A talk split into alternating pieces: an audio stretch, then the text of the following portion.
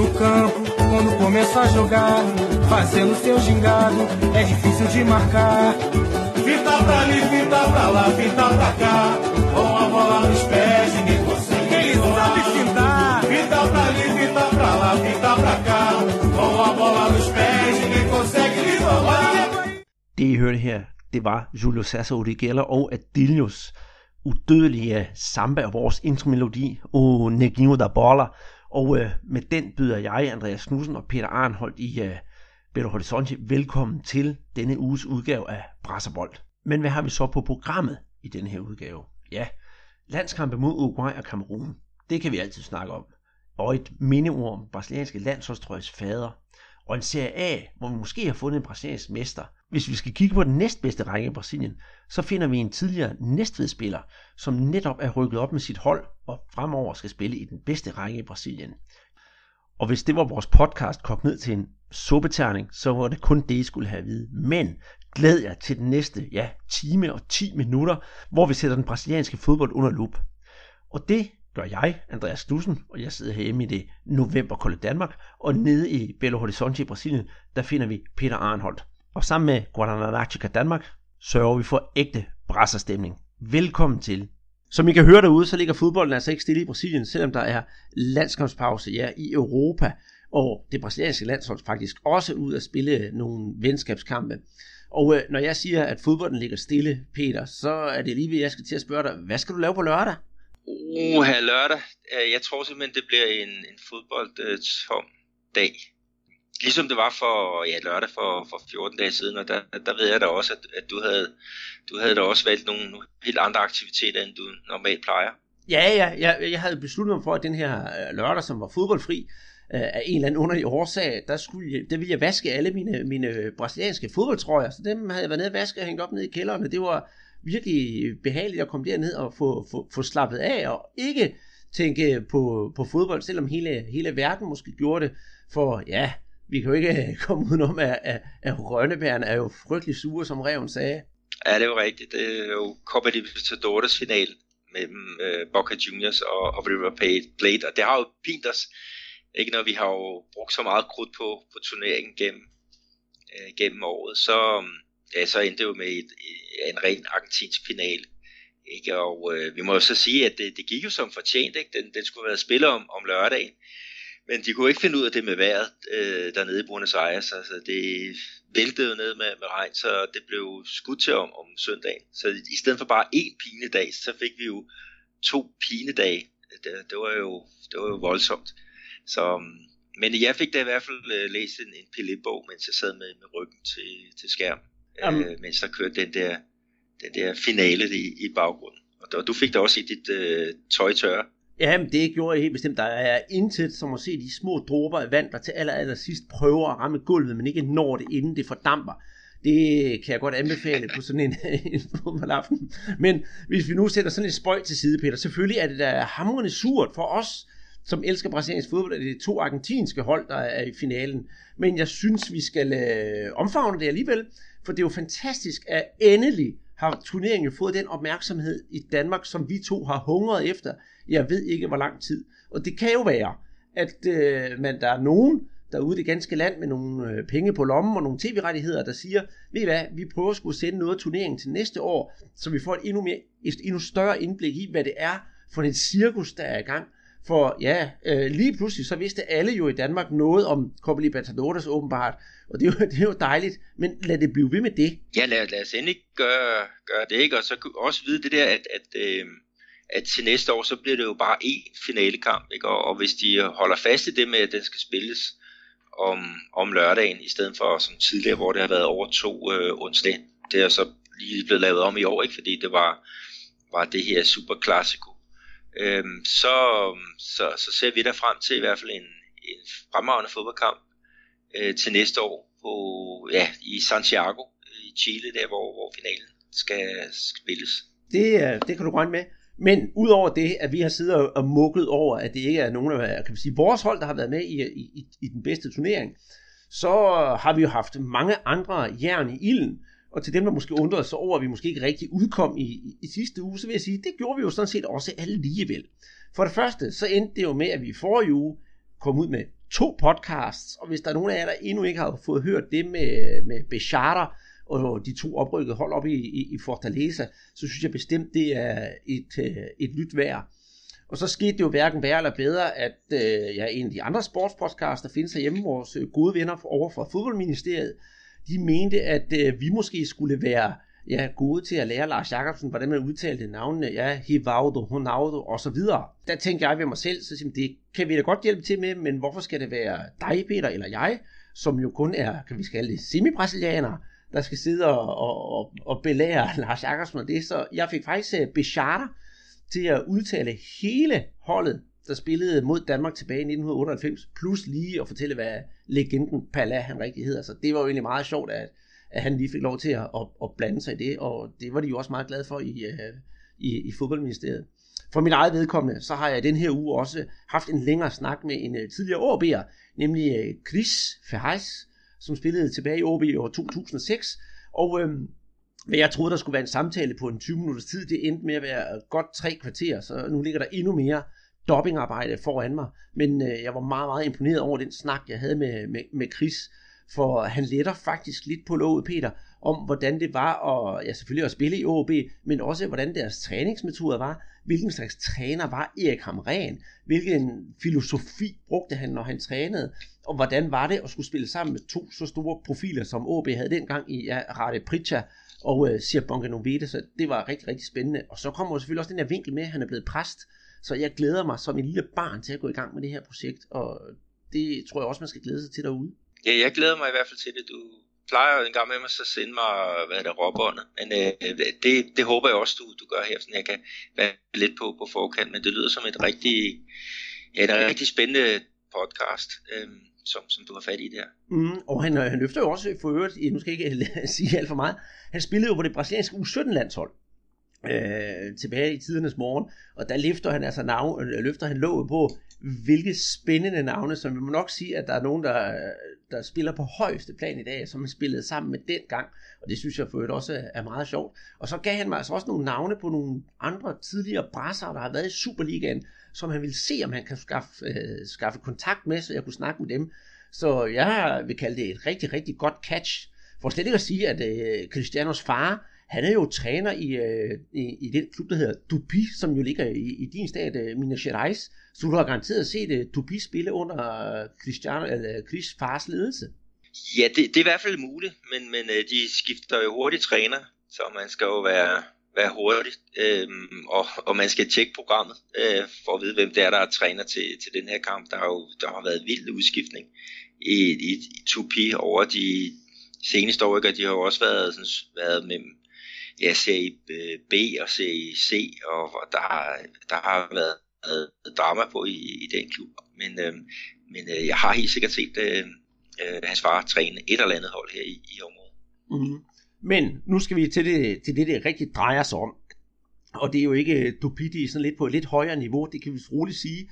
Det er jo det brasilianske landshold. De har spillet to venskabskampe her i, øh, i den tid, vi øh, ikke har lavet podcast. Og øh, den første, det var mod øh, Uruguay, hvor Brasilien vandt 1-0 på et øh, straffespark af Neymar. Og den anden, det var hvad hedder det, øh, mod øh, Kamerun, hvor Brasilien også vandt 1-0. Ja, skal vi gå direkte til, til bid, Peter. 2 gange 1-0, det lyder jo ikke lige frem som det mest øh, sexede og ophidsende, og så især for eksempel Uruguay-kampen, som jeg blev afgjort på et straffespark. Nej, det, det var bare en, en sådan, jeg ved ikke, om vi kan kalde det en halvtarm, øh, hvad er det forestilling, fordi det er jo altså Brasilien og, og Uruguay, og, og de har da i hvert fald en masse rivalisering, ikke? og vi så også situationen med Neymar og Cavani, der, der gik øh, til makronerne øh, på den ene og på den anden måde. Øhm, men, men det var da i hvert fald godt, at, at Brasilien de fik det, ja, det øh, ja, fik ligesom teten med, med det der med 1-0 sejren. Men, men jeg, jeg synes, når man så Brasilien spille, så, så virkede det som om, at det blev lidt for meget rundt og rundt. Øh, det var ikke så, så direkte, så gennembrudsfarligt som set tidligere, ikke? og meget af det, det var jo også lagt i skoene på, på netop øh, Neymar. Så hvis vi kigger på, på opstillingen, ikke, så var det jo det vi nok kan sige var, var stærkest muligt ud fra den trup, der var, var udtaget. Ikke? Det var med Alisson på mål, øh, Danilo højre bak, centerforsvarer med øh, Marquinhos som et andet, og så Felipe Luis på venstre bak. Og så var det så Wallace, øh, der var kommet ind øh, som midtbanesweeper. Øh, Casemiro, Casemiro måtte jo melde fra øh, med, med en skade. Og så lå det så fra højre, der var det Douglas Costa, øh, så Renato Augusto, Artur, og så Neymar over i venstre, ikke? og så Roberto Firmino øh, op på, på toppen. Men, men øh, det, det, man savnede altså også øh, Felipe Coutinho, som også var, var meldt fra med en skade, ikke? Og, selvfølgelig også Marcelo, men det var nok mest, øh, mest den, den kreative kraft i, i uh, Coutinho, ikke? Som, som, som man, man savnede. Ikke? Og så fik vi også set lidt uh, Arthur i, igen ind i den der centrale rolle, ikke? Og, og han gør det jo på mange måder rigtig godt til at pumpe bolden rundt, men man så også nogle, noget af hans, øh, ja, det han mangler. Altså han, han spiller jo som om, han, han kan det, det hele, ikke? og nogle gange så har han altså nogle rigtige boldtab, øh, fordi han, øh, jeg ved ikke, om han undervurderer situationen. Han, han ser, at der bare et hul, og så prøver han, men det er jo ligesom øh, meget dygtige modstandere, han, han øh, møder her, ikke? ikke? Og, og der bliver han nogle gange fanget i en, i en fælde, sådan virker det i hvert fald. Ikke? Så, så øh, han, han skal udvikle sig i, i landsholdstrøjen, øh, øh, synes jeg i hvert fald. Ikke? Og så var der jo nogle spillere, ikke, hvor man siger, at det blev ikke det, det helt store. Wallace på den defensive midtbane øh, har slet ikke samme kapacitet øh, som øh, Casemiro.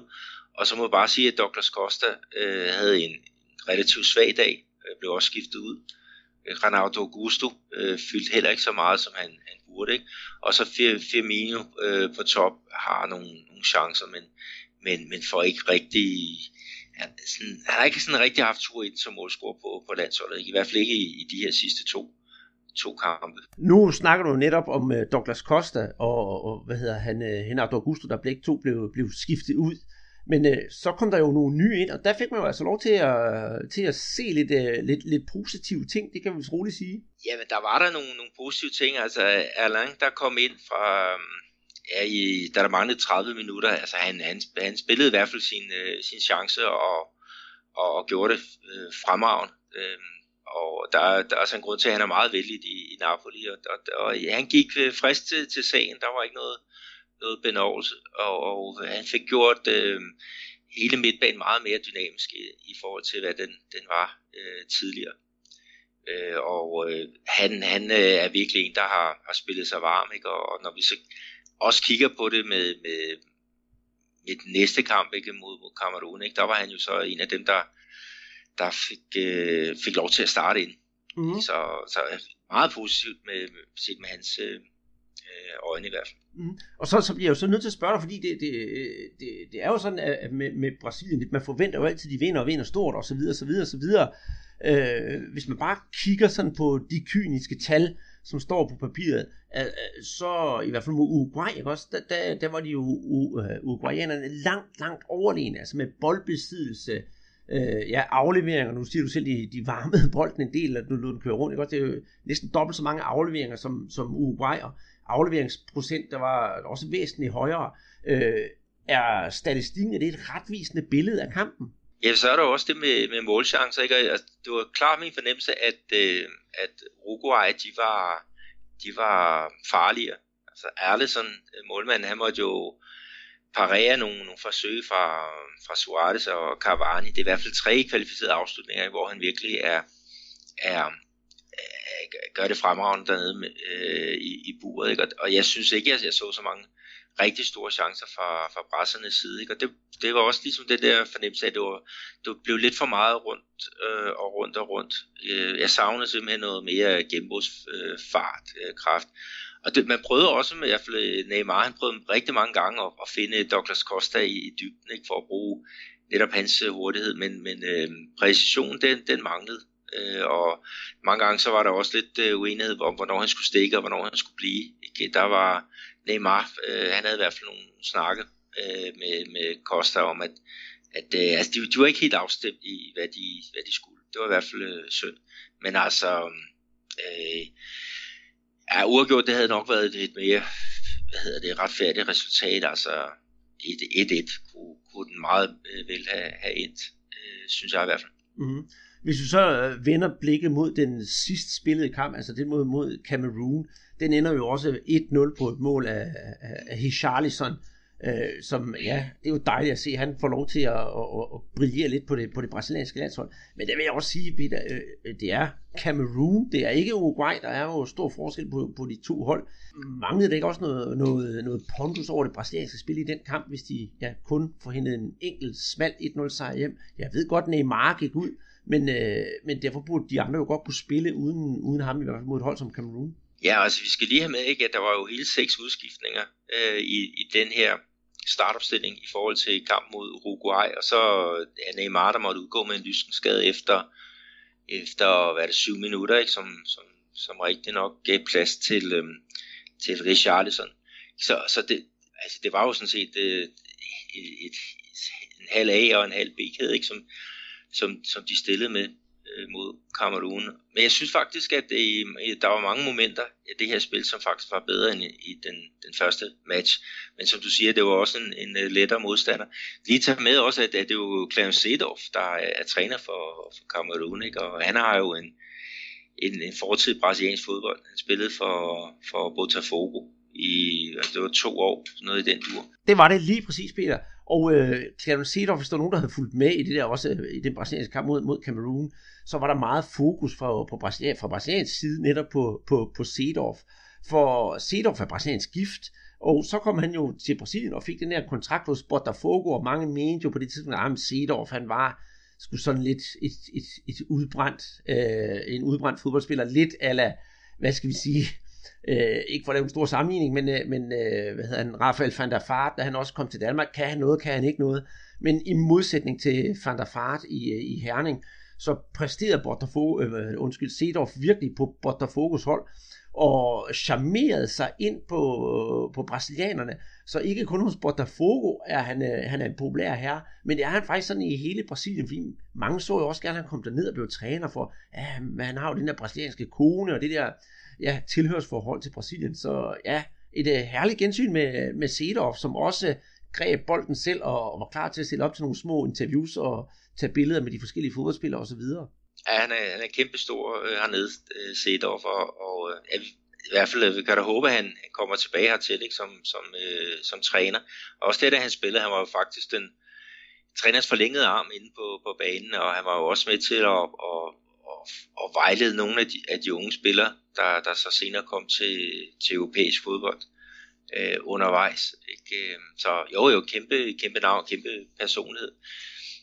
Øh, ikke? men, men, men den her kamp, altså, det var, hvis lige tager, hvad det udskiftningerne, ikke? der var målmanden, det var Ederson, der, der var kommet på det, ikke? så han skiftet to mænd ud, Chichi i den bagerste kæde, Pablo var kommet ind, i stedet for Miranda Alexandro øh, var kommet ind som venstreback i stedet for Felipe Luis. Så var der jo to på midtbanen, det var Alain og Paulinho, som var jo tilbage i landsholdsregi, kom ind i stedet for Wallace og Renato Augusto. Og så havde øh, øh, ja, så var der også skiftet frem øh, på øh, hvad er det, højre angrebsside, ikke, hvor det var William, der var kommet ind i stedet for øh, Dr. Costa. Ikke? Men, men hele midtbanen, der, altså, den havde de jo, altså, den havde, altså, nu siger jeg, at der har skiftet ud på, på to ud af tre pladser, men nu var det faktisk, at Arthur, der var det, en, det, det eneste genvalg, han var blevet prøvet som, han prøvet som det der midtbanesweeper, og, og øhm, og øh, det, det var sådan en relativt øh, ny rolle for ham, ikke? Og, og jeg ved ikke helt, om man kan sige, at han, han faldt ind i, i den rolle. Altså Casemiro er jo klart bedre øh, til, til den, ikke? Hvor Arthur han er bedre som, som den der boldpusher, der, der, der arbejder mere, øh, hvad skal vi sige, rundt i banen og, og, og søger lidt mere dybt. Og, og Arthur, han, han øh, jeg ved ikke om man, altså igen, vi så igen nogle boldtab, øh, som kunne blive kostbare, ikke? Kamerun har en kæmpe chance hvor han prøver at vinde. Han er fejlvendt ikke, ud og får bolden uden for, for eget felt, og så prøver han at vinde. Ikke, og den er så læst, ikke, og så bringer det ja, et, et frit skud til en, en Kamerun-spiller. Så altså, der er nogle ting, han skal, skal lære, den, den unge mand fra, øh, fra, fra Barcelona. Men, men ellers så var det jo igen at se Richarlison med den energi, han, han kommer ind på, på banen, ikke, og, og, og får et par, øh, har nogle, nogle kvalificerede afslutninger. Ikke? Man må så sige, at, at Kameruns målmand, øh, som faktisk kom, kom ind i anden halvleg, han lavede altså nogle, nogle små mirakler. Han har en dobbeltredning på et forsøg af, af Gabriel Jesus, ikke? der kom ind øh, erstattet Firmino i pausen. Og, og så var var han som endte også op på returen, så røg ud til Richarlison. Altså det var virkelig en flot præstation af, af Ajax-keeperen. Øh, men, men hvis vi kigger over det, det samlede, øh, ja, altså, det var to, to øh, sikkert meget nyttefulde øh, landskampe, ikke? men man mangler måske noget af det der intensitet, som, som, som man måske kunne have fået, hvis der var så lidt, der var spillet på en hjemmebane eller et eller andet sted. Altså, nu blev der spillet på en neutral bane i første kamp på Emirates Stadium i, i London, ikke? og så rykkede de nu så til øh, Cameroon-kamp til Milton Keynes, som jo også ligger i, i nord for London, så vidt jeg ved. Jeg kan ikke lige huske der beliggenhed så godt. Men, men, men alligevel, ikke? Og, og, og kamptidspunkterne hernede, Andreas, det er jo noget, der hedder klokken 6, og det er noget, der hedder klokken, øh, jeg tror det var halv 6, den, den anden kamp. Og der er jo folk, øh, bare sådan, de er på arbejde. Yeah. Så, så det er jo også noget, man snakker om hernede, ikke? at det der brasilianske landshold, det bliver sådan igen det der, der foregår et eller andet sted ude i verden. At, øh, det der med, de får sådan et langdistanceforhold til det, og, og taber noget af den der, den der entusiasme, som der ville have været, hvis de nu havde spillet i Recife, eller hvis de havde spillet øh, på det her kontinent på et tidspunkt, hvor man kunne se den. Det her, det var, jeg måtte jo hente min datter øh, kort før, før øh, halvtid i, i kamp 2, ikke? mens jeg var, var bedre og heldigere stillet i den, den første kamp, fordi den kunne jeg se. Mm, og så mangler der jo, ja, ja, så, men Peter, der mangler jo også noget at, at, at spille om, fordi det, jeg tror, ja, det er jo bare noget, jeg gætter mig til, at selvfølgelig vil man gerne spille for sit landshold, og der er selvfølgelig også sine klubturneringer, og så videre, så videre, så videre. Men når man render rundt og er fodboldens cirkus Nemo, lad mig sige det på den måde, og, og rejser rundt for, ja, for at tilfredsstille selvfølgelig alle, alle dem, der indløser billetter, nogle investorer, så kommer det også til at virke sådan lidt, lidt, lidt udmattende. Og øh, ja, hvis vi nu kigger indad og ser, ser det, øh, da jeg så den kamp øh, mellem, hvad hedder det, øh, England og, og Kroatien i, øh, i Nations League, så var det jo Peter Pil, der var kommentator, og han sagde, ah, men det ville jo nok være godt, hvis der var, når nogen lige har holdt, der, der, der rykker ned i næstbedste lag, så ville det være, at de skulle have nogle testkampe mod nogle store nationer, som for eksempel i Sydamerika, hvis det passer ind i sydamerikanernes kalender. Og der tænkte jeg med mig selv, nej, det er jo faktisk ikke helt rigtigt, fordi øh, sydamerikanerne, de vil jo så gerne have mod de store nationer, netop de kampe, som, som Peter Pil snakker om, og de kan nok finde tid i, i, i deres kalender, men jeg tror stadigvæk ikke, at de store nationer måske er så interesseret i at rejse netop til Recife, São Paulo, Rio de Janeiro, så, så det er sådan lidt en, en, en ting, der bider sig selv lidt i halen. Men lad os håbe på, at det bliver, det bliver bedre. Hvor man tænker, status på landsholdet, Peter. 15 kampe, med, øh, under, under den gode, øh, hvad hedder det, Chichi. Øh, 13 sejre, et remi og et nederlag og en målscore på 29-3. Øh, det ser sgu da meget godt ud. Øh, skal vi bare forvente, at øh, når Copa America kommer, så er pustespillet lagt på den korrekte måde, og så hedder det ja, 4-5 sejre, og det første rigtig store pokal i skabet hos øh, Chichi og landsholdet.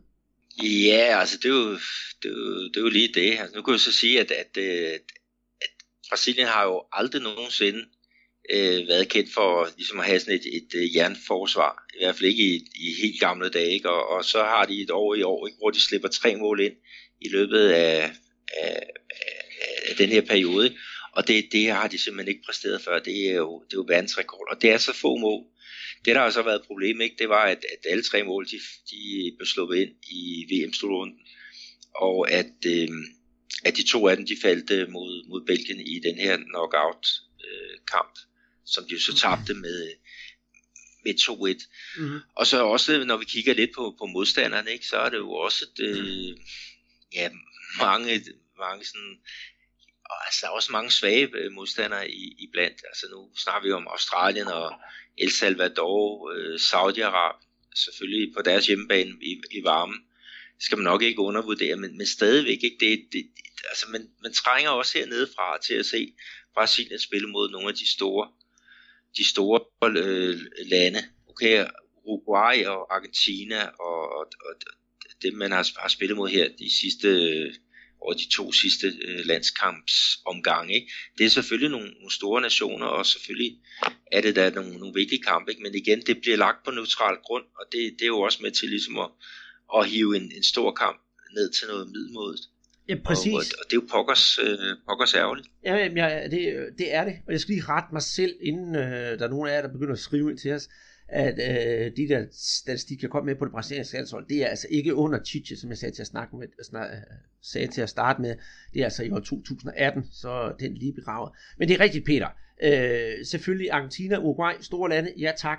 Men Argentina og Uruguay, det er altså nogen, de, som Brasilien og ja, de hinanden, i hvert fald, de kender hinanden til hudløshed.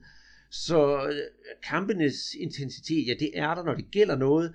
Og, og selvfølgelig er der altid æren at spille om. Men hvis jeg skal være helt ærlig, øh, så tror jeg hellere, at både Uruguay og Brasilien, de ville måske hellere have mødt Frankrig eller Holland, eller et eller andet, hvor man siger, her nu kan vi prøve øh, kræfter med, med de store, fordi jamen, Brasilien, dem kender vi jo. Ja, jeg er helt, helt enig. Øh, det, altså de, de her kampe, de bliver ligesom øh, udvandet, ikke? Altså nu er der jo Copa America, ikke? hvor de, de kommer til at ja, sandsynligvis at, at spille mod hinanden øh, på, øh, på et eller andet øh, tidspunkt, ikke? og så får vi jo øh, hvad hedder det, øh, VM-kvalkampene også frem mod øh, 2022 i, i Katar, slutrunden der. Ikke så, så jo, jo, altså man kan også få for meget af, af det der, og jeg tror også, det vil, det vil hjælpe brasserne øh, bedre og, og, og fremadrettet mod øh, 2022 og, og spille mod ja, England og mod, øh, mod Tyskland i, igen. Ikke? Og, og, øh, og så sandelig også nogle, nogle kampe øh, hernede på, på kontinentet. Øhm, altså, nu har de selvfølgelig spillet mod Argentina og, og Uruguay, ikke? Og, og, og når vi ser på det næste store mål, det er jo Copa America her til næste år, ikke? så kan du sige, okay, der er måske stor værdi i at møde de modstandere øh, og, og den kommende generation, ikke? men, men øh, jeg, jeg kan ikke se, det, det er nødvendigt. Så, så flere europæiske modstandere, øh, det vil i hvert fald blive, blive modtaget med, med kysshånd. Og Kamerun, altså afrikanske modstandere, det er jo heller ikke helt, øh, helt, uh, dumt, men når vi er ude i Salvador, El Salvador og og nogle af dem, ikke, så, så er det ikke så godt. Mexico, den nævnte du selv, ikke, det er jo en rigtig god modstander at, at møde. Da, dem så jeg da også meget gerne øh, komme på plakaten her til, ja, op til øh, Copa America. Mm-hmm.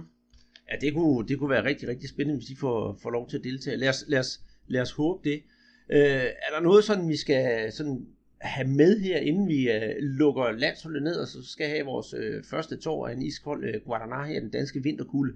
Ja, altså der er jo to ting. Altså fordi at, at Titi, han skal jo bruge de, han har brugt det her år efter VM, eller det halve år efter VM, til at, at kigge også nye spillere i, i kortene. Og, og øh, han har jo så altså fra hvad hedder det, VM-truppen, ikke, der er der jo 19 spillere, som, som har fået genvalg sådan on and, and off, ikke? og så har han set, øh, jeg tror det er noget med 17 nye spillere øh, igennem også. Øhm, og der, der, der, har vi så trukket fra de der tredje keeper, ikke, som har været nogle, nogle 20 talenter, som har fået chancen. Men, men altså, øhm, altså jeg, jeg kigger på, på, på den, ikke, så siger jeg, målmand, der må jo Allison og Ederson, der må de jo være, være sikre. Og så tredje keeper, Andreasen, der er, jeg ved ikke, Neto, er det ikke ham, der, der ligger til den umiddelbart? Jo, det tror jeg helt bestemt, Peter, men hvis han endelig skulle vælge nogle alternativer, så synes jeg, han skulle kigge indad. Og så, ja, hvis man kigger på de brasilianske målmænd, der er i, i, i ligaen, der findes enormt mange dygtige målmænd i den brasilianske liga. Det skal jeg sige. Man bliver imponeret næsten hver weekend med de redninger, de forskellige hiver op. Men vi bliver nødt til lige, skal det være en af dem, så skal vi nok kigge på Marcelo Grøy eller, eller Casio. Og Casio, han har jo en historie med Tite i forvejen, så ja, det var det eneste, jeg skulle byde ind, hvis det ikke skulle være net. Ja, det, det er jo rigtigt. Øhm, på Baks øh, positioner, ikke? der er jo så Danilo, der har været har nærmest sat sig på den øh, højre bakke, ikke? og så venstre, der er der Marcelo og Felipe Luis. Og så dem, jeg, jeg kigger på, som kan være på, på bedring, der er jo så Fabinho i højre side, og så Alexandro. Men vi har jo også en, en gammel kæl, som, som øh, er ved at og, så småt at komme i gang igen, Dani Alves. Tror du, at, at han kunne være sådan en dark horse til øh, Copa America øh, her til næste år? Det, puha, det, øh, du kommer med de rigtig, rigtig gode spørgsmål der, synes jeg. øh, jo, det tror jeg. Øh, øh, om ikke andet, så med den agerighed, han har i sit spil, og, og, og, den måde, han kan være med til at samle holdet på, og være med til at ja, pæse dem frem, der tror jeg, han kunne være en god mand at have med, og så måske bruge ham, jeg ved ikke, hvor han når at komme tilbage for, måske som, som en indskiftningsspiller en gang imellem, på den måde. Jeg tror ikke, han ville kunne klare et uh, helt Copa America i det tempo, det foregår i, og hvad der nu ellers er om, omkring det. Men jeg tror, han vil være en rigtig god mand at have i truppen. Ja, fordi det, altså, en ting er helt sikkert, det er, at Brasilien skal vinde den, den turnering her næste år. Altså efter de, de tabte VM. Altså hernede, der siger man, at man taber VM, når man ikke vinder det.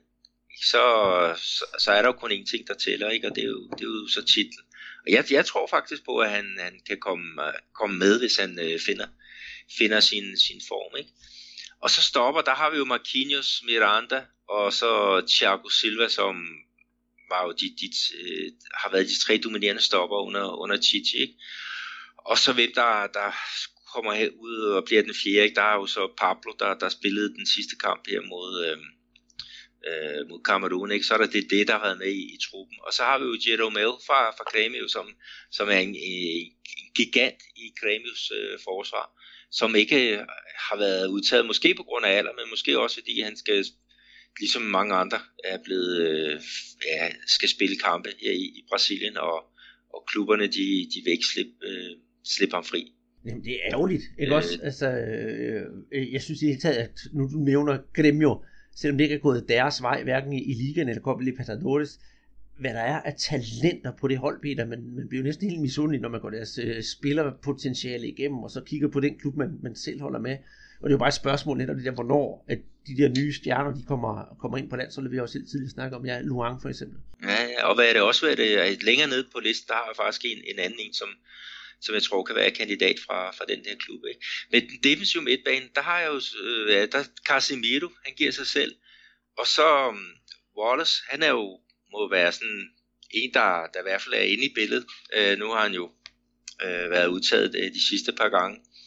Og så øh, Fernandinho, den, den gamle øh, mand fra Manchester City.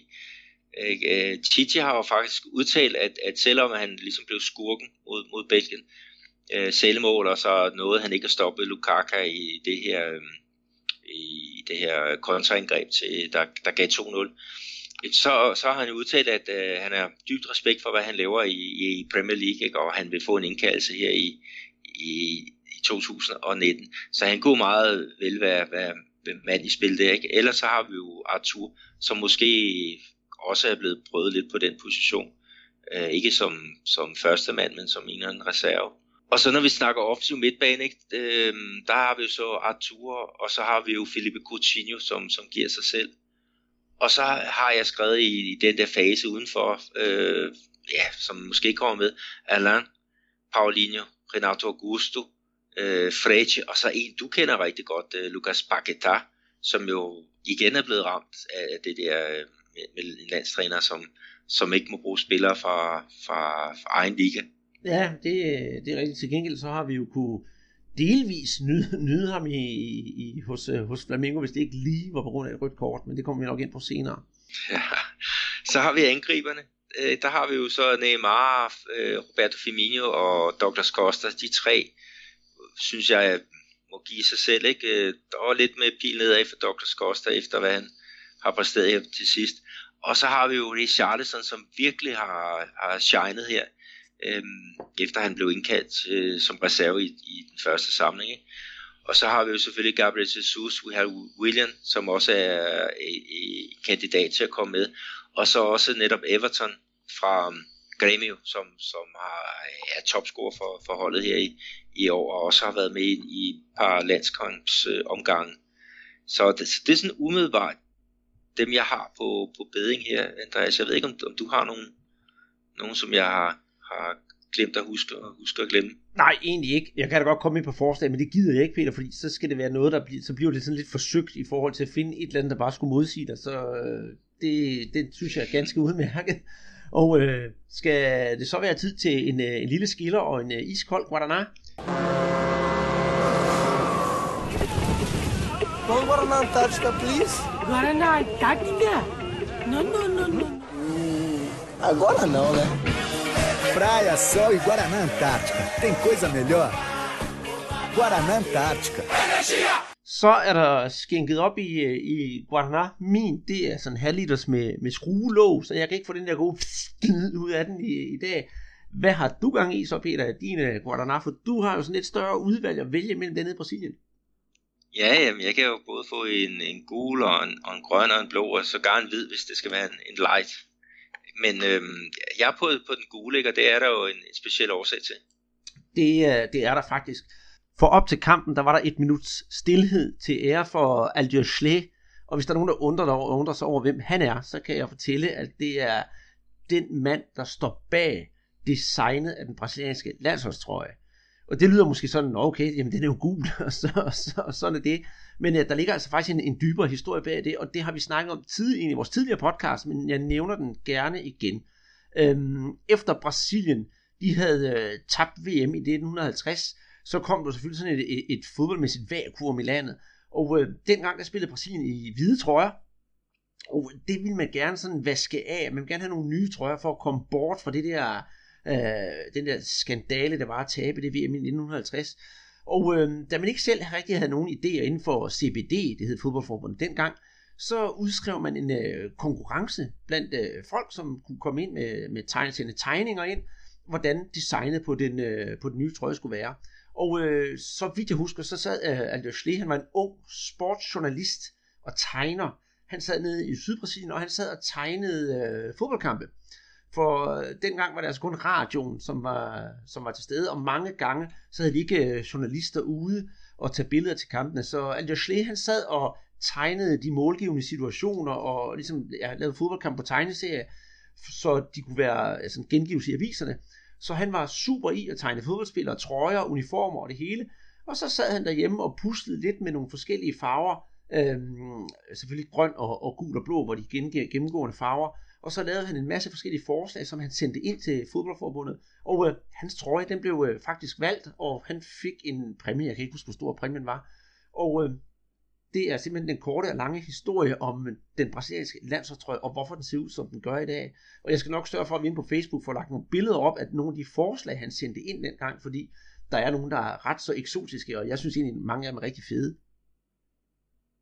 Ja, og det, det også det, altså hele, selve hans idé, det var med, at, at man skulle bruge øh, farverne i fladet til at, og, og, ja, til, til jeg skal sige, hele, hele sættet, ikke? og det blev så den der variant med den, den gule trøje, og så den, den grønne krav, og blå bukser og, og hvide strømper. Øh, fantastiske øh, mærke, den, den øh, mand har fået sat sig, ikke? fordi nu, når folk ser en, en god trøje, kanariegul trøje, ikke? Så, så ved folk lige, hvad det er, det, det drejer sig om. Det er det brasilianske landshold. Ikke? Og øh, det må, øh, han, han døde, hvad, det var 83 år gammel, ikke? og øh, han havde lidt af hudkræft i, en del år. Han har også noget lys i huden, ikke? Og når man ved, ved hvad, hvad solen kan præstere hernede, så, så skal man i hvert fald passe meget på. Øh, men det, den ramte ham i 2012, og så har han været, været under behandling øh, løbende. Men, øh, men øh, det endte altså med, at, at øh, kræften fik, øh, fik bukt med ham. Øh, mm. Øh, det, var, det var desværre, men øh, dejligt, at han blev, blev mindet på den her måde. Ja, en, med, med en sejr og, og et minut stillhed. En kæmpe, en kæmpe gestus, det, det skal vi sige. Øhm, ja, Peter, nu skal vi til noget, som er enormt, enormt spændende for øh, den brasilianske Serie A. Den er altså ved at virkelig løbe ind i sin, sin slutfase, og der er altså to runder tilbage.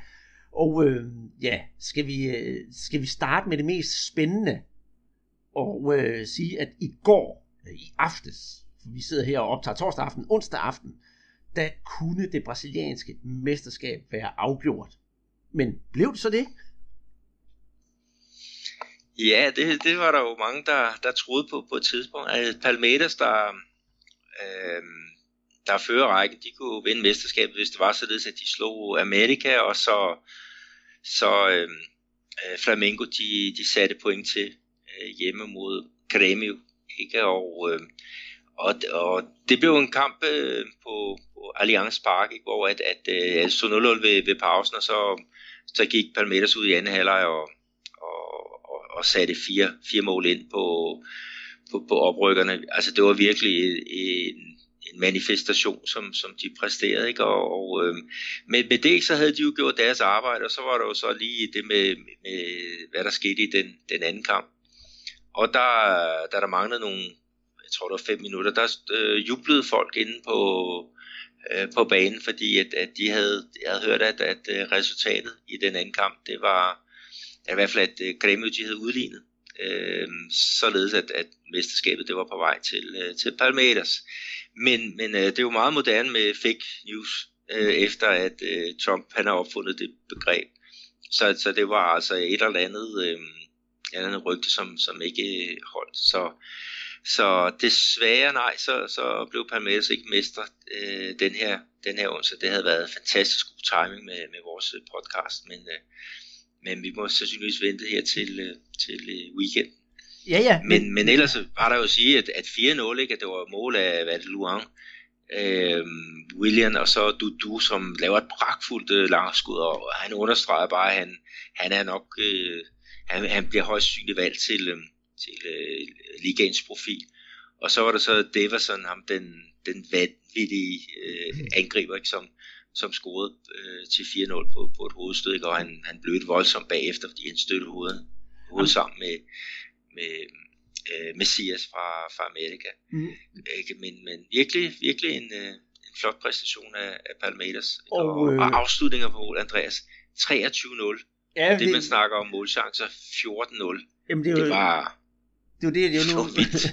Jamen, jeg kan se, du, du bliver også helt grebet af at sidde og snakke om det, og jeg skulle bare sige, du, du, ja, men for djævlen, den kamp, man spillede, han var altså bare god, og jeg ved godt, at så stod 0-0 efter første halvleg, det tænker jeg også, ah, hvad sker der her, kan de overraske, og, og, og så videre, så videre, men altså bare det der 4-0, det var så, nu stempler vi ind, og så gider vi simpelthen ikke mere pjat, øh, altså det var, det var, det var stort spil af, af, af Palmeiras, også selvfølgelig af, af Dudu, men samtidig så har jeg nu aldrig set så, kan man sige, øh, morgensøvnigt firebakkæde hos, øh, hos Amerika MG, men på den anden side set, Peter, Amerika MG er en af de mindste klubber i Brasilien, i hvert fald hvad økonomien angår, mod en af, de, en af de største, som virkelig laver en magtdemonstration. Men, øh, som sagt, øh, resultatet på Maracanã, det kom vi jo slet ikke ind på, Peter, fordi øh, Flamingo, som øh, ligger nummer to, de skulle møde Gremio, og øh, jeg skal være helt ærlig, jeg er jo Flamingo-mand, jeg var så hunderad og nervøs for, for den her kamp, fordi Flamingo og Gremio, det er altså sådan noget, der kan blive både øh, ja, en, en ko og en gris. Øhm, de to hold, de spiller faktisk øh, noget pænt fodbold mod hinanden, og det er altid nogle gode kampe generelt, når de, når de møder hinanden. Så ja, jeg var virkelig i tvivl om, om de lige skulle sætte hvad hedder det, salt i såret hos, øh, hos Flamingo, der stadigvæk, trods de er fem point bagud, så, øh, øh, drømmer om at, om, om at blive mestre. Og i første halvleg, det gik ligesom i, øh, i parmeterskampen 0-0, der var ikke rigtig noget at komme efter, men så, da der var gået to minutter anden halvleg, så får Uribe øh, banket bolden ind i, ind i mål til 1-0 øh, til, til, til Flamingo, og så ender kampen med, at øh, Diego i kampens døende minutter, i det 90. 20 minut, der scorer han til 2-0, og der øh, går Diego fuldstændig amok. Altså, han jubler, som om han simpelthen har vundet VM. Og på Maracanã, der er der sådan en, øh, ud til tilskuerpladsen, der er sådan en lille øh, rapport, som, som spillerne kan løbe op på, modtage fansenes hyldest. Der står altid rigtig mange fans dernede, og der løb han jo selvfølgelig op og jublede med alle de der fans, smed trøjen og fik sit gule kort, men jeg tror nok nu, Diego han er, han er ligeglad, fordi Flamingo de stemplede faktisk ind, synes jeg. Ikke måske til at sige, at de er mesterskabskandidater overhovedet, for så skal der gå meget galt for Palmeiras, men at de øh, virkelig øh, trods lidt op- og nedtur har haft en sæson, der ender med at blive rigtig, rigtig ok. Og jeg har kigget lidt i statistikken, Peter, og det viser sig faktisk, at øh, Flamingo, sådan som, som de ligger nu, øh, med den pointhøst, de har, så er det noget af den bedste pointhøst, de har haft i de sidste 20 år. Parameters har dog så bare været bedre. Og øh, sidste gang de vandt mesterskabet, der tror jeg, de vandt det med, var det 64 eller 65 point. Så ja, de har faktisk haft en super, super sæson. Og ja, stadigvæk spænding om, øh, om, om ligaen. Selvfølgelig skal vi være helt objektive, så tror jeg, at Parameters, de holder den. Men alligevel, øh, som flamingomand, der holder jeg altså med Vasco i næste, i næste runde, fordi det er jo Vasco og Palmeiras, der skal mødes. Og det håber jeg, at øh, du også sidder og smiler lidt på læben, når jeg siger, at jeg for en gang skyld holder med Vasco. Jamen, det, det, vi har brug for al den uh, support, som vi, vi kan finde. Altså, så ja, det, det, det er jeg da glad for at høre. Men, men noget andet, Andreas, det der mål til, uh, til 1-0 Uribe, øhm, ah, altså det man snakker om hernede, det var faktisk, at uh, målet burde være blevet annulleret for farligt spil. Ja, det, øh, det undrede mig også, fordi da jeg sad og så kampen, så regnede jeg faktisk med, at der blev fløjtet for øh, altså farligt spil og frispark, fordi det er jo et, øh, et ja, jeg vil ikke kalde det sakkespark, men det er så noget i den stil. Foden er så højt op, og han rammer også, hvad hedder det, øh, Gremios forsvarsspiller, jeg kan ikke huske, hvad han hedder, og han ligger altså lige nede og ømmer sig, men jeg synes ikke rigtigt, at Gremio, de sådan protesterer super meget over målet, det man accepterer det bare, men ja, øh, objektivt set, så kunne der godt have været dømt øh, farligt spil på den bold, så det er jeg egentlig ikke øh, sådan helt uenig i, hvis der kommer nogen og siger det til mig. Så skal vi jo så også have, have med, at øh, keeperen Cæsar, han laver altså en pragtredning på, på et hovedstød fra Jeromel, øhm, kort før, før målet til, til 2-0, og det er jo også det, der gør, at de jubler på, på Allianz Park, altså det andet stadion, ikke? fordi de, de tror simpelthen, at der er, er lavet mål der, men, men altså Cæsar, det er jo, han, han har også haft en, en vigtig strafsparksredning øhm, i, øh, i en af de foregående kampe, ikke? og når man tænker på det, den støj, der, der kom omkring netop den her position, ikke? hvor Diego Alves, øh, som var første målmand, var ude med en skade. Cesar kom ind og gjorde det rigtig godt, og så da Alves igen var, var klar, så skulle han øh, have en plads på bænken, ikke? hvad han nægtede. Og han har også været i bad standings øh, lige, lige siden. Ikke? Og, der, og der var altså så et, et, et, andet øh, et, et, hvad skal jeg sige, et rygte på, på, på WhatsApp, øh, en jeg kender, øh, Amazing, en gruppe der, der, der siger de faktisk, at det, en af grundene til, at Diego Alves han er så sur, det er blandt andet Lucas Paqueta, at han øh, er, efter sine skulle have have lagt nogle, nogle hænder øh, på hans kone ude på, på et andet diskotek på nogle lidt, lidt uheldige steder. Øh, så, så det er måske også en jaloux ægtemand, vi har, har, har siddende øh, surmulende et eller andet sted øh, ude på ja, i, i Rio og, og omegn. Uh, Men det var også, vi, vi blev spurgt om, om Lucas Paquetá øh, inde på, på Twitter, ikke? og der kom vi jo så med et, et svar øh, til, til Gian, der, der, der, der havde stillet, øh, der Milan-faner vil gerne vide om, om Paquetá, hvordan han er. Og der må vi så også sige, at med alle de fortræffeligheder, han, han har, ikke, også, så, så har han også lidt et ry som en, en bad boy. Øh, også haft øh, gang i en, en sangerinde, øh, der godt kan lide det der funk. Øh, Luci Mila, som hun, øh, hun hedder. Altså, det er jo også en, der, der, der ligner en, en farlig dame. Men øh, til sådan en Paquetá kan godt lide det farlige liv. Så ja. det bliver spændende, hvordan han, han klarer sig i, I, i Milan med, med alle de damer i, ja, i, i høje hæle. Mm. Men, men øh, nu når vi snakker om stadigvæk holder os til den her, til den her Gremio-kamp, nu siger du, at øh, Cæsar i Flamingos mål gjorde det godt, men jeg vil altså også gerne fremhæve Gremios målmand, øh, Paulo Victor, Øh, dels fordi han også står en super duper kamp, og øh, det andet det er, at øh, Paulo Victor, ham, øh, han er jo øh, tidligere Flamingo-målmand. Og øh, jeg tror, at han gerne vil have holdt buret rent, og han ærger sig ekstra meget, for han stod jo på sin gamle, gamle hjemmebane. Og jeg kan sige, at jeg har faktisk øh, mødt ham engang. Virkelig, virkelig sympatisk fyr. Og jeg kan simpelthen, hvis jeg kigger med mine flamingobriller på, ikke forstå, at de egentlig ikke beholdte Paulo Victor og satsede mere på ham, i stedet for at jeg så hentede de uh, Alex Muralla, og så, ja, nu har de jo så, hvad hedder det, uh, Diego Alves, som er, som er ude. Hvis man havde sat sig på de der to fra, fra egen avn, så havde du så Paulo Victor nu, og Julio Cesar, som kunne, kunne, kunne stå på mål for, for Flamingo. Og det tror jeg ville være rigtig, rigtig godt for klubben.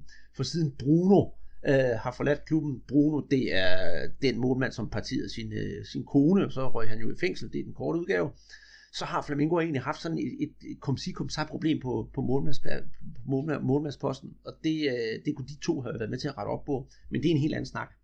Øh, et, øh, det tredje hold, som er med i, øh, i toppen af den brasilianske liga her, det er jo International, og de så længe ud til at skulle snuppe andenpladsen lige der foran øh, Flamingo. Men øh, et nederlag på 1-0 til Botafogo, og så her øh, øh, et, et 1-2 nederlag på hjemme mod Atletico Mineiro, skal vi sige øh, farvel og tak til International, og det var så pusten, der gik uh, den ballon, og tak for en herlig sæson for øvrigt, fordi det er jo et oprykkerhold. Ja, det betyder i hvert fald, at, at øh, de ikke kan vinde mesterskab. Der er Palmeiras simpelthen øh, stukket. Ikke? Øhm, så, så det var et, et, et dyrt, dyrt nederlag. Ikke? Og man kan så også sige, at, at øhm, øh, Atletico Mineiro, altså de var, de var hammerne effektive. De har øh, en, en midtbanespiller, Casarte, som har været meget, meget svingende i år. Ikke? Men her øh, i den her kamp, der var han øh, simpelthen profil. Han scorede det første mål, ikke? Og, og så i ja, kort tid, så lægger han, han øh, oplægget til, til det matchvindende mål. Så, så første hjemmebane-nederlag til International i, i, Serie, i Serie A i år, ikke? det må man sige, det er da kom lidt sent og blev lidt dyrt, men, øh, men øh, de, de er jo stadigvæk i, i spil om, om det, der hedder en, en top 4, ikke? Og, og, det kvalificerer til, til gruppespillet i Libertadores, og, og der bliver de jo presset lidt, lidt bagfra, øh, må man sige. Ikke? Så, så de kan ikke bare gå sovende gennem de sidste to runder. Øh, gør de det, så, så skal de igennem noget kvalspil til, øh, mm. til Copa Libertadores næste år, ikke? og det vil være en klar skuffelse Men... fra hvor de har ligget gennem hele sæsonen. Selvfølgelig Peter, men jeg vil også sige, at International, ja, de havde nok set, at mesterskabet, det var flot, og det havde flot sig en tur.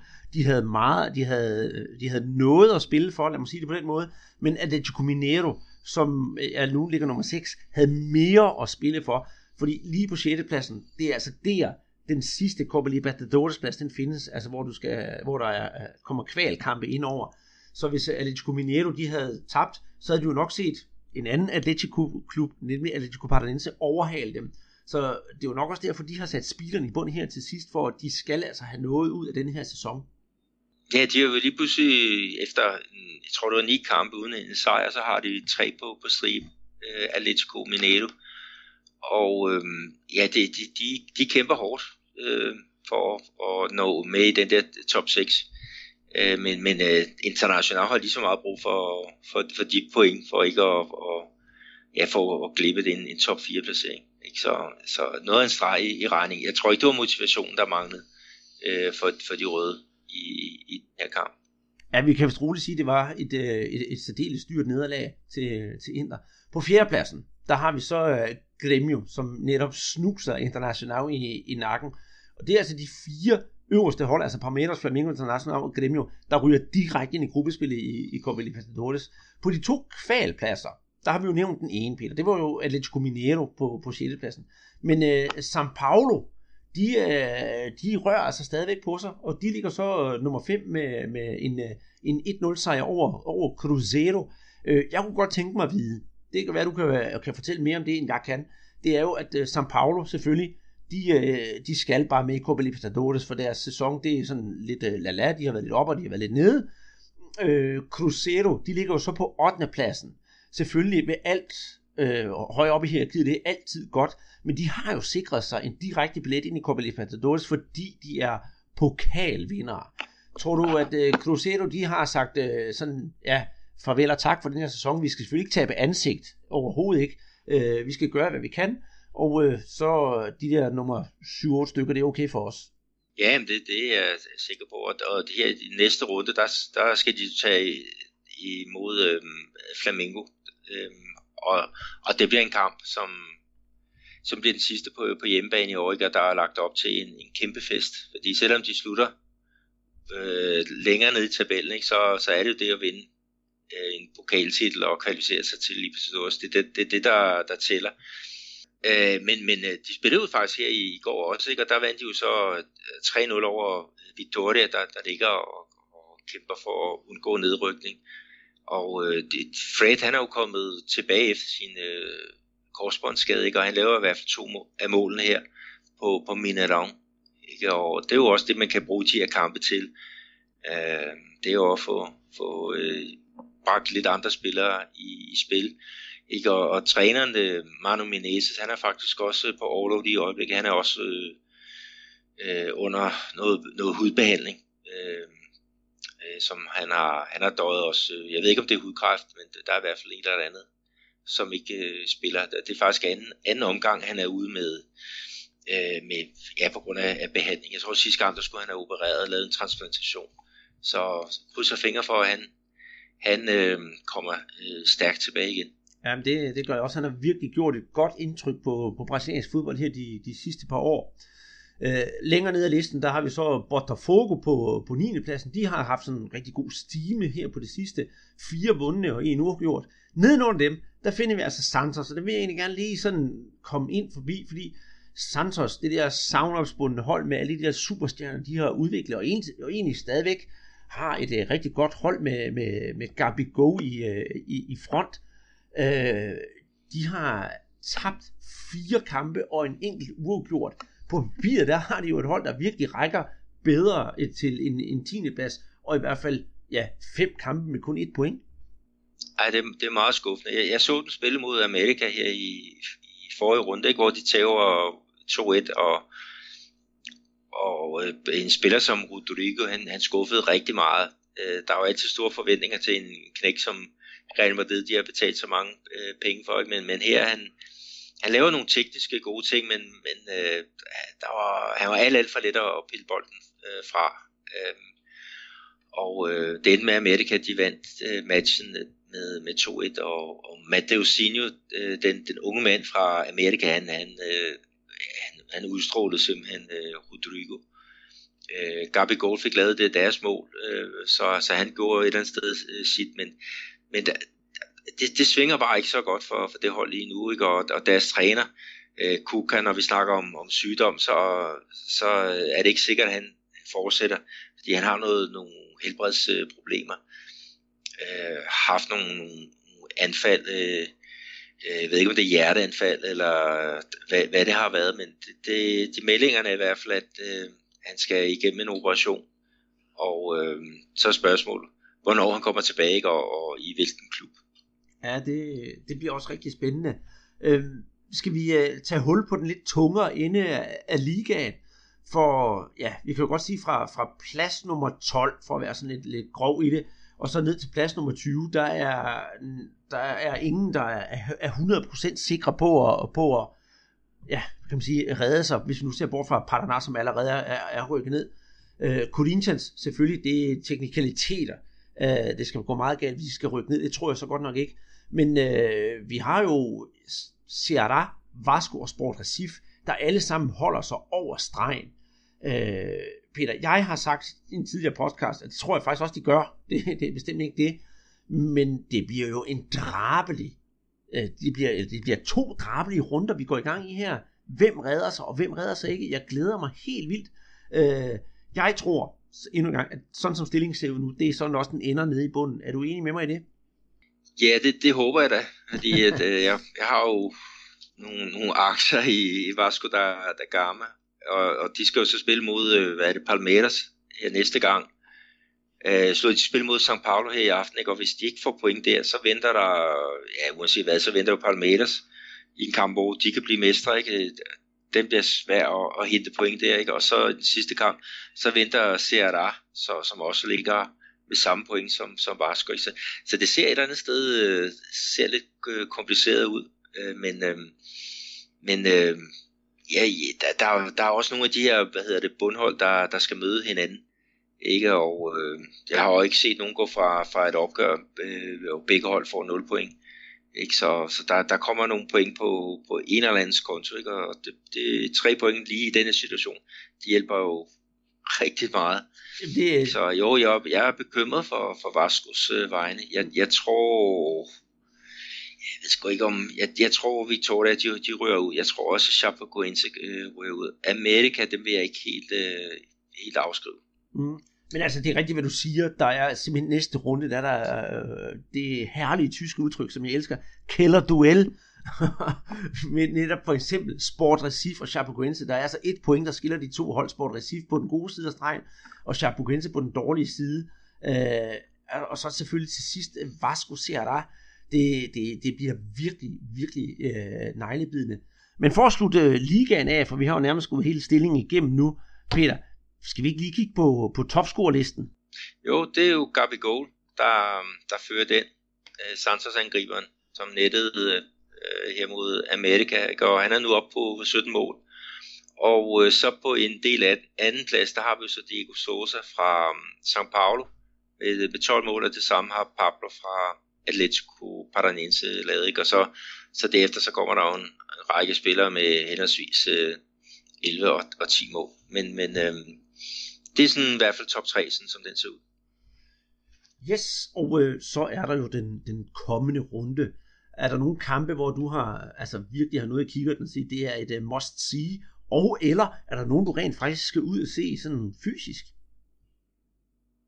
Ja, altså i um, Crusader mod Flamengo, øh, den sidste kamp her på Mineirão, og så mod Flamengo, den, den, øh, den, øh, den satte jeg gevaldigt på at komme, komme ind og se. Alternativet, det er jo at tage, tage øh, hedder du, at se Amerika mod Bahia, som er en vigtig kamp for Amerika i, i kampen for at undgå nedrykning. Men øh, ja, så er der selvfølgelig Vasco mod Palmeiras, som også bliver en forbudt for børn øh, forestilling. Ja, det bliver, det bliver, det bliver del med spændende. Den kunne jeg også godt finde, undskyld, den kunne jeg godt finde på at se øh, International Fluminense, fordi også bare de to klubber står godt til hinanden, det er for, for spillets skyld. Og så allerede i aften, Peter, når det passer nok med, når jeg er færdig med at redigere podcasten her, den lige kommer ud, så øh, spiller Ceará mod, øh, mod Paraná. Og øh, ja, det er endnu en af de her kælderduel, og jeg håber faktisk, at øh, Ceará, de, øh, de vinder den her kamp. Og jeg ved, at øh, Bechara, han har jeg snakket med i dag, han øh, også skal sidde foran øh, skærmen og se, øh, se kampen. Om han skal på stadion, det, det, det snakkede han faktisk ikke om, og jeg tror, at han, ligesom han snakker om i vores podcast, at han, han måske holder sig lidt væk her de sidste par runder af, af, af, af turneringen, netop det der med, på hvilken klub bliver han øh, set med af, af, af tilskuerne, så er det måske bedre at blive hjemme. Men øh, ja, masser, masser, masser af god spændende øh, fodbold i, øh, i Brasilien her i den her kommende weekend. Og når, jo, når jeg nu nævner det der igen med, med, med Bechata og den næstbedste række osv., osv., så det er jo den, vi skal til at kigge på, fordi Serie B, den er jo simpelthen også ved at være afgjort, hvor vi har fundet øh, de hold, som skal spille med i den bedste række til, til næste år. Fortaleza, ja, dem har vi rundet, Peter, de er rykket op, men øh, så har vi jo også øh, en, en, en klub som øh, Goiás. Det bliver da også et øh, dejligt og glædeligt gensyn med dem i den bedste række. Ja, øh, selve byen, Goiânia, øh, de har tre store hold. Øh, der er altså Goiás, og der er Villanova, og så er der Lecce Goianiense.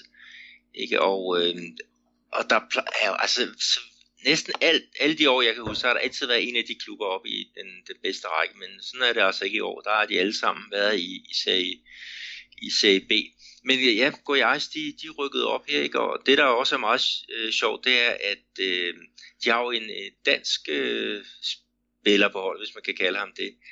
Øh, Felipe Garcia, øh, som spillede i en årrække i, i Næstved. Han er nu øh, der på, på de her kanter.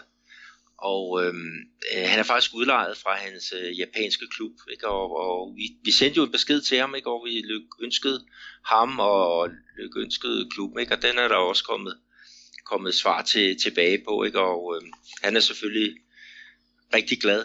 Øh, hans japanske klub, der rykkede de op i eliten øh, sidste år, ikke? Og, og så her i år for at gå i Ejs, der har han øh, blevet lokalmester, det var i starten af året, ikke? og så nu her det her resultat. Men han har ikke, han har ikke været så meget på øh, banen selv her det, det sidste stykke tid. Øhm, og, øh, men, men derfor så er han jo stadigvæk med i en, en, øh, i en gruppe, der, der, der virkelig har, har, har gjort det godt, ikke? Og, og er kommet, kommet med i, ja, i, i eliten her med, med bare en øh, spillerunde igen. Så, så stort tillykke til øh, Felipe Garcia. Og hvad jeg kan sige, han skrev også en besked til, til mig på, på dansk, så han har jo ikke, øh, han har ikke glemt det hele, mindre han har været igennem noget Google Translate. Nå, og øh, der var ikke noget øh, næstved dialekt over den så? Ja, det, det tror jeg ikke. Men det bliver jo spændende også, hvad, hvad han skal lave, ikke? fordi altså, han er udlejet. Altså fortsætter øh, øh, det her med, at, at, at øh, han skal udlejes, eller eller skal han tilbage til, til Japan? Øh, han var jo meget, meget hot hernede for, for to år siden, hvor han på et tidspunkt førte topscore-listen i, i Serie B, da han spillede for Brasil de Pelotas. Og så kom, ja, Grêmio var, var ude efter ham blandt andet, men det endte altså med en, en tur til, til Japan, ikke? og der, der spillede han i et, et års tid, og øh, med, med, med fint øh, succes, ikke? og nu er det så går jeg et, øh, at øh, ja, der, der, der bruger ham. Øh, så hvad, hvad der sker næste år, det, det må tiden vise. Mm-hmm. Øh, det kunne et, måske være Danmark. Det kunne være, det kunne være rigtig spændende. Jeg skulle til at, vi, at, at gå videre, og det har jo sådan set også noget med, med Danmark at gøre, at nogle af de andre hold, der ligger og kæmper om at, at rykke op i den bedste række igen, det er jo sidste års nedrykker fra Avaí, og hvis de rykker op, vil det blive et uh, rigtig, rigtig glædeligt gensyn, fordi så skal vi da til at hive uh, DR's uh, Brasiliens korrespondent, eller Sydamerika korrespondent, ind i podcasten igen. nemlig øh, Christian Almblad, for han er jo sådan lidt en, øh, en, øh, en Avaí-mand, da han, da han bor i, i, i byen, hvor klubben kommer fra. Så det kunne være spændende at få, få dem op igen. Ja, det, det, det var afgjort, og ikke også, der var et andet tidspunkt, der var nogen på Twitter, der spurgte om, hvad er det største derby, som, som I har oplevet. Ikke? Og der var jo selvfølgelig mange, der sagde River mod, øh, mod Boca Juniors, og der var også nogle, nogle andre, øh, andre store kampe. Og så kom Christian Alblad med, øh, med Avaí mod øh, øh, er det, øh, Figurense de to klubber dernede fra. Øhm, så så det, var, det er også en kamp, der, der bliver taget meget seriøst på, på de kanter. Mm-hmm. Øh, i Florianopolis. Og øh, hvis vi lige skal runde, der er f- altså fire hold, der rykker op fra den næstbedste række, så har vi altså Fortaleza som på førstepladsen, Goiás på andenpladsen, Avaí på tredjepladsen, Ponte Preta, som også er en, øh, en, en nedrykker, dem finder vi så op på, på fjerdepladsen. Og så lige i nakken af dem, der har vi en øh, klub, der hedder CSA fra Alagoas, i, oppe i nordøstlige Brasilien, i, fra Maceió, som øh, ja, afhængig af resultaterne i sidste runde, også kan, kan rykke op, så der kommer endnu et nordøst-brasiliansk hold i, øh, i den bedste række. Og så lige fra en by som Maceió, hvis jeg umiddelbart skal sige noget om øh, Maceió, udover det er en fantastisk badeby, så rent fodboldmæssigt, det, den, det eneste jeg sådan kan sige, Peter, det er, at den øh, store spiller fra Flamingo Junior, også der var med på 82 landsholdet og har skrevet den der Cananivora, Cananivora. han er fra, fra Marseille. Det er det eneste, sådan, jeg kan sige med fodboldby. Har du noget at tilføje? Ja, de har faktisk to øh, klubber i, i øh, den næstbedste række, CRIB, de, de ligger også dog i den, den tunge ende. Men de kan jo, de kan jo rykke op øh, CSA, øh, eller CSIA, som de jo hedder, uh, ved at, at vinde, fordi det er således, at Avaí og Ponte Preta, de, de skal mødes Øh, netop i, øh, i Anbladets øh, by, øh, Florianopolis. Og øh, øh, vinderen af den kamp øh, ryger op, og, og taberen må højst sandsynligt se sig passeret af CSIA. Så der bliver drama på i, i den her kamp. De skal spille til, ja det er lørdag, så vidt jeg ved, de, de afslutter CB. Mm. Mm-hmm. Og det følger vi selvfølgelig op på i, uh, igen i, uh, i, i, i næste uge, eller i næste, vores, vores næste podcast, som ja, forhåbentlig kommer i, i næste uge. Uh, vi skal måske lige, inden vi slutter af her, øh, Peter, så sige, dem der så ligger til at rykke ud af den næstbedste række, det er Pasandu, Sampaio Correa, som er rykket ud, Juventude, som også er rykket ud, og jeg kan sige, Juventude, hvis der er nogle klokker, der ringer der, så er det jo øh, den klub, som øh, den tidligere OB Jan Holim, han øh, holder med i øh, Brasilien, også har, har, har spillet i. Og så er der Boris Sport på, på 20. pladsen, som også er rykket ud. Har du mere at skulle sige til det? Jamen jeg vil sige, at, at øh, Boris Sport, de har, øh, jeg tror de er på den fjerde træner øh, her i, i, mens de her øh, med CRB har, har kørt på. Ikke? Og de kom ud i, en, i rigtig bad standings. Øh, der var sidste år, hvor netop Bruno, som du, du nævnte, målmanden, der, der øh, var med i det der bestialske mor på, på hans, øh, hans elskerinde, der hvor det endte med partering og, og fodring til, til hunden af, af de forskellige ting og sager. Øhm, han han blev, blev jo prøveløsladt i en periode, og der var Boris Sporti, de, de havde ham på banen i, i nogle kampe, ikke? og, og øh, det, det kostede en masse sponsorer, øh, som ikke ville have, have sådan en, en, en fyr til at, at være forbundet med, med deres, øh, deres navn. Ikke? Og øh, jeg tror faktisk, at, at deres nedrykning, det er også en, en afspejling af den krise, der kom efterfølgende, for hvor der er nogle, nogle dårlige øh, dårlige valg. Nu når du snakker om valg, Peter, så vil jeg her på falderæbet i podcasten, så spørger dig ud over de her kampe, vi nu snakker om, vi skal følge med i den brasilianske liga her i weekenden. Hvad skal du så lave sådan, sådan på lørdag? Jeg kan fortælle dig, at for eksempel for mit vedkommende, det er jo Black Friday. Så jeg har været ude i den lokale øh, malerforretning og kigget på, hvad de har af gode øh, malervarer her til, til weekenden. Og så vil jeg altså male børneværelse, og så se, hvordan det maling den tørrer sådan i løbet af lørdag eftermiddag og lørdag aften. Det synes jeg lyder som et enormt spændende projekt. Og jeg har købt to øh, gange brækket hvid, så kan jeg se, hvilken en, der tørrer først. Ja, men det, det lyder som en, en god, øh, god aktivitet, fordi du skal i hvert fald ikke se Copa Libertadores finalen mellem øh, River Plate og, og Boca Juniors. Øh, og det skal jeg for heller ikke. Øh, Og jeg håber også, at du optager det video og, og sender til mig, så jeg kan følge med i, i hvad der sker. Øh, jeg skal øh, faktisk på lørdag, der, der har vi julefrokost. Vi er jo sådan en lille gruppe danskere hernede, så der, der skal vi have noget mørkt brød og for en gang skyld spise noget andet end, end ris og, og bønner. Og øh, jeg, jeg tror ikke, der er nogen af dem, der har, har forstand på, på fodbold, øh, og heldigvis. Altså den, den ene er jo Flamengo-fan, så, så han har i hvert fald ikke forstand på, på fodbold, og, og den anden ved jeg ikke, helt. jeg tror det er noget med Cruzeiro. Så, så det er jo også noget, noget, der er til at have at gøre med i hvert fald. Så jo, jeg, jeg ser frem til en, en, øh, en god lørdag uden øh, noget som helst. Yes, jamen det lyder rigtig festligt, Peter. Og øh, husk nu at gå ind på Sofabold. Der kan man se, hvor kampen bliver vist, så man kan lade være med at se Super Classico igen, og gøre ligesom os, gå til øh, julefrokost, eller se Maling tørre.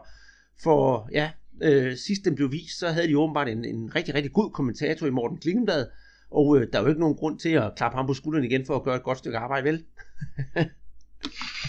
nej, nej. Og vi kan jo sige, at den øh, bliver sendt på, på hvad, Eurosport øh, 2, og det er fra klokken 20.45. Der er sgu ja, en, en lille, øh, lille kvarters optakt, inden det går, går løs. Om ikke andet, så kan man altså se, hvad sydamerikansk fodbold drejer sig om, når det er på, på, på den bedste hylde at det så ikke er to brasilianske hold, eller et brasiliansk hold, der med, det er vi jo stadig ærgerlige over, og vi skal nok komme med nogle, øh, nogle rønnebærende supervideoer, det, det lover vi. Og øh, en rigtig, rigtig god weekend her fra Peter øh, i Belo Horizonte og jeg, Andreas Knudsen i, øh, i Danmark. Og øh, den her podcast, den har vi jo ikke kunne lave uden vores øh, samarbejdspartner Guadana. Og husk at gå ind på øh, ja, iTunes og give nogle stjerner derinde, for jo flere vi får af dem, jo nemmere kommer vi op i søgefeltet, når man leder efter noget med brasiliansk fodbold. Og øh, følg os ind på Facebook og øh, på Twitter, hvor vi øh, kommer med nogle ytringer af den ene eller den anden slags en, øh, en gang imellem. Kan I have en øh, rigtig god øh, weekend derude og en god uge, indtil vi ses til næste gang.